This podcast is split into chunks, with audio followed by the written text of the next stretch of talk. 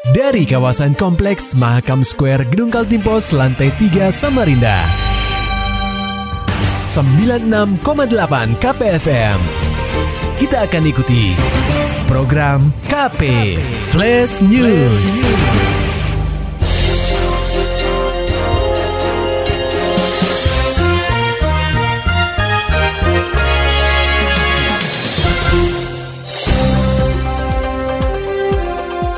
Anda sedang menyimak program KP Flash News bersama saya Agung Pratama. Pendengar KP cekcok permasalahan keluarga. Seorang istri berinisial SA nekat menghabisi nyawa suaminya sendiri saat tidur lelap. Kejadian itu terjadi di rumah Pasutri tersebut yang berlokasi di Jalan Ekonomi RT 13, Kelurahan Lowabuah, Kecamatan Sungai Kunjang, Kamis 29 Desember 2022, sekitar pukul 5.15 waktu Indonesia Tengah.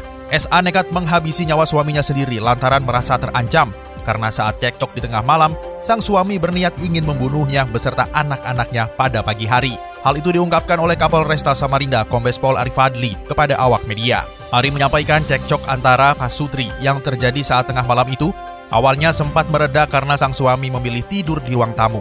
Lantaran merasa resah dengan ancaman dari sang suami, akhirnya SA nekat mengambil sebuah palu yang terbuat dari papan ulin serta menghantamkannya kepala dan tubuh suaminya hingga tewas di tempat. Setelah melakukan pembunuhan, SA langsung menghubungi anak perempuannya dan memberitahukan apa yang telah dilakukannya kepada ketua RT setempat. Sehingga ketua RT langsung melaporkan kejadian ini ke Polsek Sungai Kunjang dan langsung mengamankan SA di lokasi kejadian. Jadi suami ini menuduh ibunya ini memiliki hubungan lain, hubungan gelap dengan pria lain.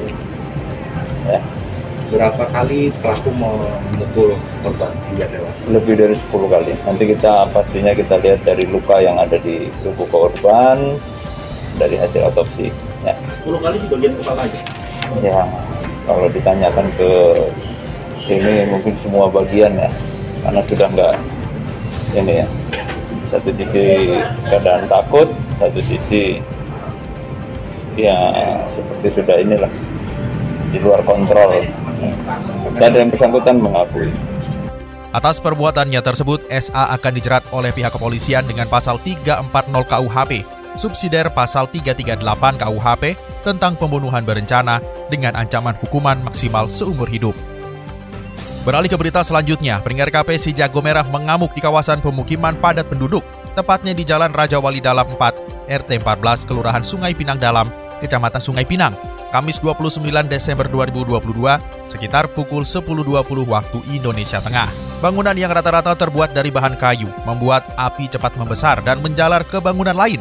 Salah satu warga Masardi mengungkapkan, titik api bermula dari sebuah industri rumahan yang mengolah keripik, di mana saat itu sedang ada aktivitas memasak di dalam rumah tersebut. Api dari penjual keripik, Pak. Penjual keripik ya? Iya. Pas lagi goreng atau gimana itu, Pak? Pas lagi menggoreng. Ada penjual dan ada pembeli di situ? Enggak ada, dia kan di sini dia industri. Oh, industri. Iya. Jadi hari-hari goreng Menggoreng. keripik, goreng keripik ya? Iya. Oke. Pak, pada saat itu ada uh, penghuninya pada saat kebakar gimana di dalam rumah? Ada karyawannya juga.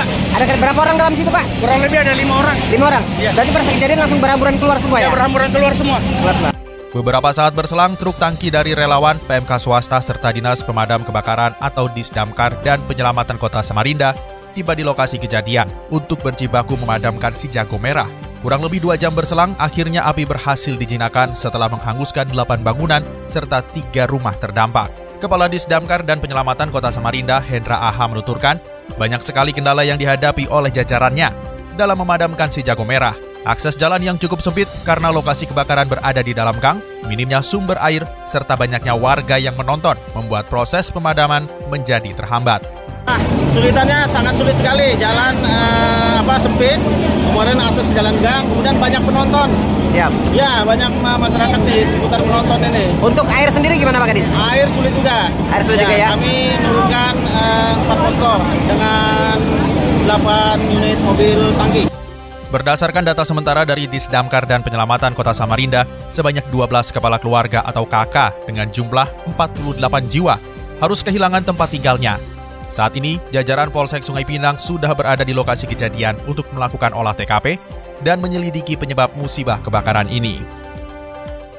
Beralih ke berita selanjutnya, pendengar KP jelang tahun baru, Satpol PP Samarinda persempit peredaran miras tanpa izin. Laporan selengkapnya akan disampaikan reporter KPFM Samarinda, Muhammad Nur Fajar. Menjelang malam pergantian tahun, peredaran minuman keras atau miras tanpa izin nampaknya semakin merajalela. Sebagai langkah antisipasi, Satuan Polisi Pamung Praja atau Satpol PP Kota Samarinda turut gencar melakukan penindakan terhadap peredaran minuman beralkohol tersebut. Pada Selasa 27 Desember 2022 saja, Satpol PP menyambangi tiga kafe yang berada di kota tepian, di mana dua di antaranya kedapatan menjual miras tanpa izin. Meski demikian, petugas Satpol PP hanya memberikan peringatan kepada pengelola dan memanggil mereka untuk datang ke kantor Satpol PP Samarinda. Kabit Perundang-undangan Satpol PP Samarinda, Heri Herdani menerangkan, pihaknya menitik beratkan penindakan pada izin penjualan miras. Tentu izin menjajakan minuman beralkohol tersebut harus berkolerasi dengan berbagai izin lainnya agar bisa diperjualbelikan. Beberapa hari sebelumnya, Satpol PP Samarinda turut menindak beberapa toko kelontong yang kerap menjual miras tanpa izin. Hasilnya, lebih dari 200 botol minuman beralkohol diamankan oleh petugas. Heri mengatakan, Hal tersebut mengindikasikan bahwa pasokan miras ini memang dipersiapkan untuk persiapan malam pergantian tahun. Uh, kemarin kita sudah jalan ya bersama Bidakop itu memang volumenya lumayan tinggi, empat tempat kita sampai 200 lebih tempat. Berarti mereka, mereka mungkin juga mempersiapkan. Tapi kita berharap uh, itu bisa kita atasi, kita redam, paling tidak kita kita persulit pelaku lagi agar ya tercipta keamanan.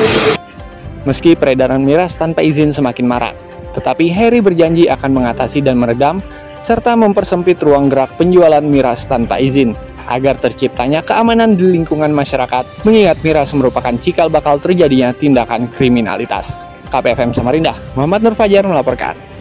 Beralih ke kabar ekonomi pendengar KP, Bank Indonesia Kaltim sediakan 2,85 triliun rupiah jaga ketersediaan uang selama Natal dan Tahun Baru. Laporan selengkapnya disampaikan reporter KPFM Samarinda Maulani Alamin.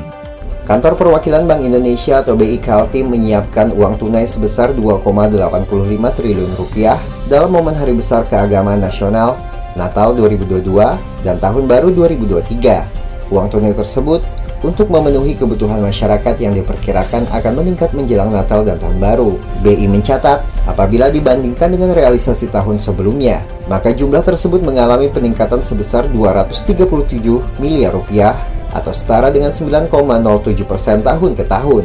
Peningkatan ini mempertimbangkan mobilitas masyarakat yang semakin meningkat, perkiraan belanja pemerintah, realisasi bantuan langsung tunai, dan peningkatan transaksi jelang Hari Raya Natal dan Tahun Baru.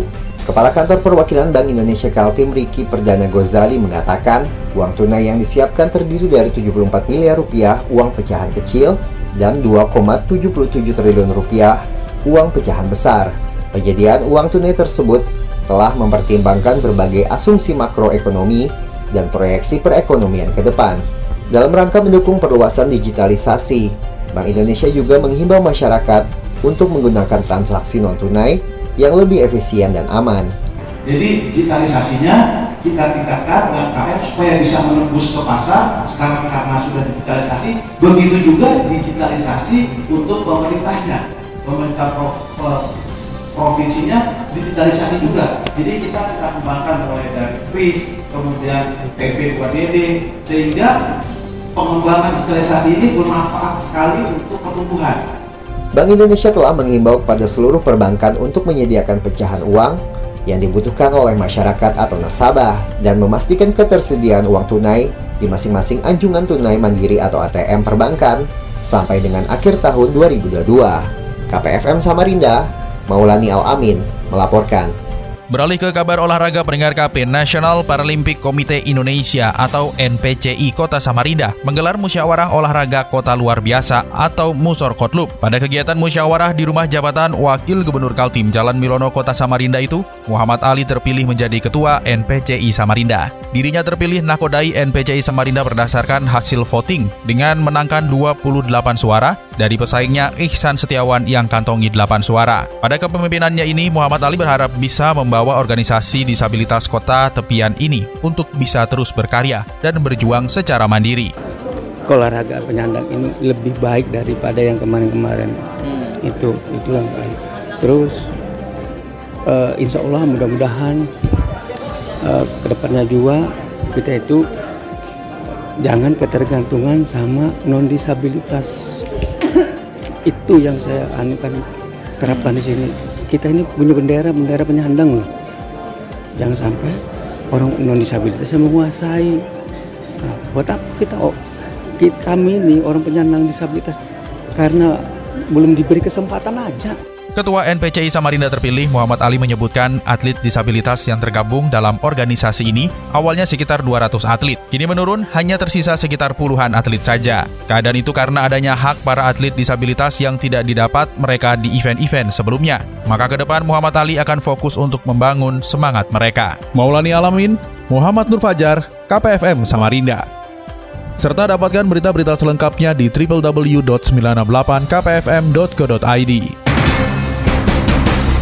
Demikian tadi telah kita simak rangkaian berita-berita yang terangkum dalam program KP Flash News. Persembahan dari 96,8 KPFM.